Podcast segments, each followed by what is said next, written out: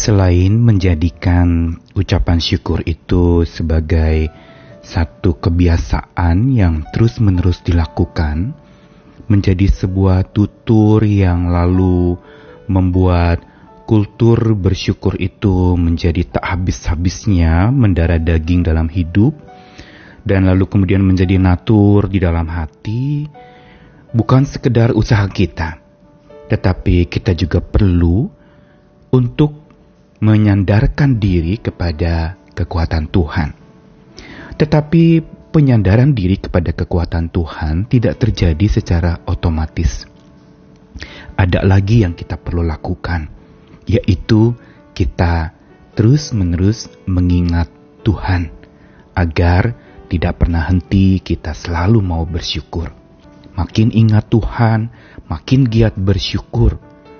Tetapi makin lupa Tuhan, makin alpa mengucap syukur. Saya Nikolas Kurniawan kembali menemani di dalam Sabda Tuhan hari ini dari Hakim-Hakim pasal 8 ayat 33 sampai 35. Setelah Gideon mati, kembalilah orang Israel berjalan serong dengan mengikuti para Baal dan membuat Baal Berit menjadi Allah mereka. Orang Israel tidak ingat kepada Tuhan Allah mereka yang telah melepaskan mereka dari tangan semua musuhnya di sekelilingnya. Juga mereka tidak menunjukkan terima kasihnya kepada keturunan Yerubaal Gideon seimbang dengan segala yang baik yang telah dilakukannya kepada orang Israel. Zaman hakim-hakim adalah sebuah zaman di dalam kitab suci perjanjian lama, sebuah masa di mana orang-orang pilihan Tuhan itu begitu bergantung dan sangat mengandalkan orang yang diangkat menjadi hakim bagi mereka. Dan masa Gideon adalah masa keemasan di mana Israel itu menjadi kelompok yang disukai oleh Tuhan karena mereka percaya kepada Tuhan, mereka fokus kepada Tuhan, dan mereka selalu ingat Tuhan. Namun setelah Gideon mati, Kembali dikatakan tadi orang Israel berjalan serong. Berarti betapa mereka mengandalkan Gideon, bukan mengandalkan Tuhan. Hidup mereka berpusat pada kepemimpin, kepemimpinan manusia, bukan dan belum menyandarkan diri pada kepemimpinan Tuhan semata.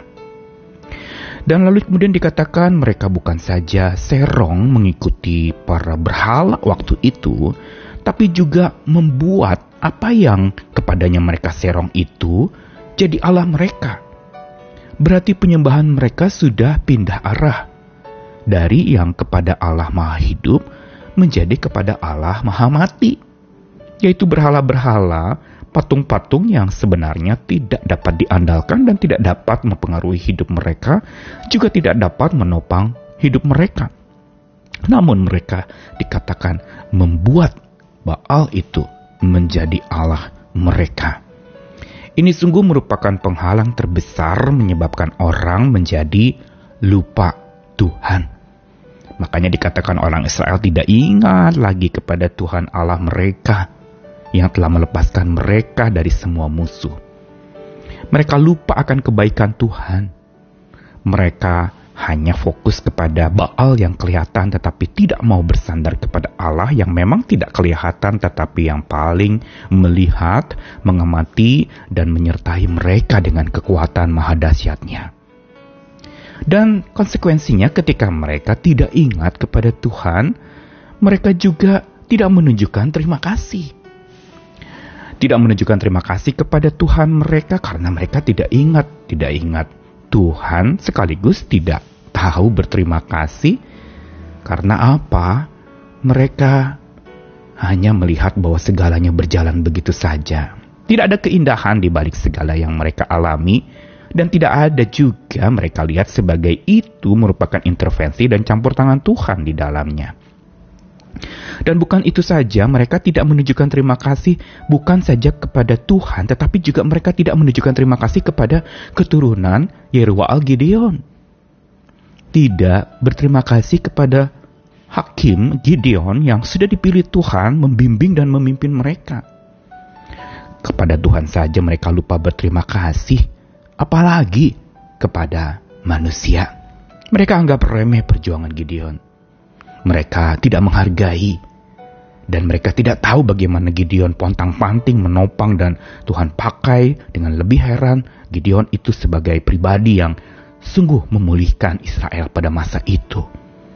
Dan segala kebaikan yang telah dilakukan oleh Yerubaal Gideon itu kepada orang Israel tak satu pun yang diingat. Karena mereka kepada Tuhan saja tidak ingat, kepada kebaikan Gideon pun tidak. Dan konsekuensinya tidak berterima kasih. Karena tidak ingat, maka tidak giat berterima kasih. Tetapi ini semua mau mengajarkan kepada kita bahwa orang yang sepanjang hidupnya ingat dan dekat Tuhanlah yang akan giat bersyukur. Tidak pernah henti, selalu berjuang untuk ungkapkan syukur dengan segala cara. Bukan saja tutur kata, tapi juga perbuatan, sikap hidup yang berterima kasih di dalam hati. Sebuah sikap gratitude yang selalu terpancar dari hidup yang tidak neko-neko dan tidak menuntut untuk sesuatu yang sesuai dengan maunya dia. Tetapi dia selalu bersyukur untuk apa adanya yang diterima, apa yang diberikan, apa yang dialami. Giat bersyukur ini karena ingat dan dekat Tuhan selalu ada dalam hati orang itu. Namun sebaliknya ketika dia hidup tanpa Tuhan dan lupa Tuhan, maka dia menjadi alpa berterima kasih. Hidup tanpa Tuhan yang berarti sama sekali tidak melibatkan Tuhan. Ketika kondisi sulit baru cari Tuhan. Hidup tanpa Tuhan berarti juga bukan tidak percaya adanya Tuhan, tapi tidak mau berhubungan dengan Tuhan. Tidak mau beribadah kepada Tuhan, berdoa, baca firman, baru dilakukan kalau keadaan darurat saja. Dan karena hidup tanpa Tuhan dan juga lupa Tuhan, maka akhirnya mereka jadi pribadi-pribadi yang tidak mau bersyukur, tidak tahu bersyukur, alpa dalam mengucap syukur. Hari ini mari kita setelah diingatkan untuk selalu ingat Tuhan, dekat dengan Tuhan agar giat bersyukur. Mari kita lakukan itu dalam hidup kita. Ingat selalu ada Tuhan di balik segala peristiwa pengalaman yang kita alami, baik atau buruk. Dan kalau kita ingat ada Tuhan di balik itu semua, tidak ada alasan untuk kita tidak bersyukur. Karena Tuhan yang merancangkan segala sesuatunya, turut bekerja dalam segala sesuatunya untuk mendatangkan kebaikan buat setiap orang yang percaya. Bukan saja adanya Tuhan, tapi campur tangannya di dalam hidup. Mari kita melihat akan keadaan hidup kita. Adakah kita ingat Tuhan dalam keadaan apa pun juga, baik ataupun buruk? Jaya, berhasil, atau dalam masa hancur-hancuran dan gagal? Masihkah kita ingat Tuhan dan dekat Tuhan? Ketika segala sesuatu entah itu kemakmuran atau kehancuran, kita melihat selalu ada Tuhan dan kita ingat Tuhan. Setelah kita makmur, kita tetap ingat Tuhan saat kita hancur. Dan kita tetap dekat Tuhan saat kita makmur, juga kita dekat Tuhan saat kita hancur. Maka di situ kita akan selalu giat, gigih bersyukur tidak menyerah kalah. Kegigihan bukan saja semata untuk berjuang dengan kerja keras, tapi gigih juga untuk bersyukur. Giat untuk bersyukur sehingga kerja keras kita kita lakukan dengan sukacita karena kita kerjakannya dengan penuh syukur. Mari belajar lagi untuk tetap dua hal sederhana ini ada dalam hidup kita. Ingat Tuhan, dekat dengan Tuhan.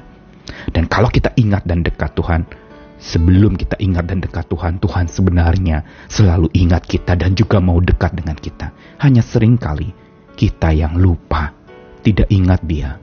Kita yang jauh, tidak dekat dia. Mari Tuhan selalu beserta dengan kita, makin ingat, makin giat. Tapi makin lupa, makin alpa. Ayo bersyukur, Tuhan mengasihi kita. Amin.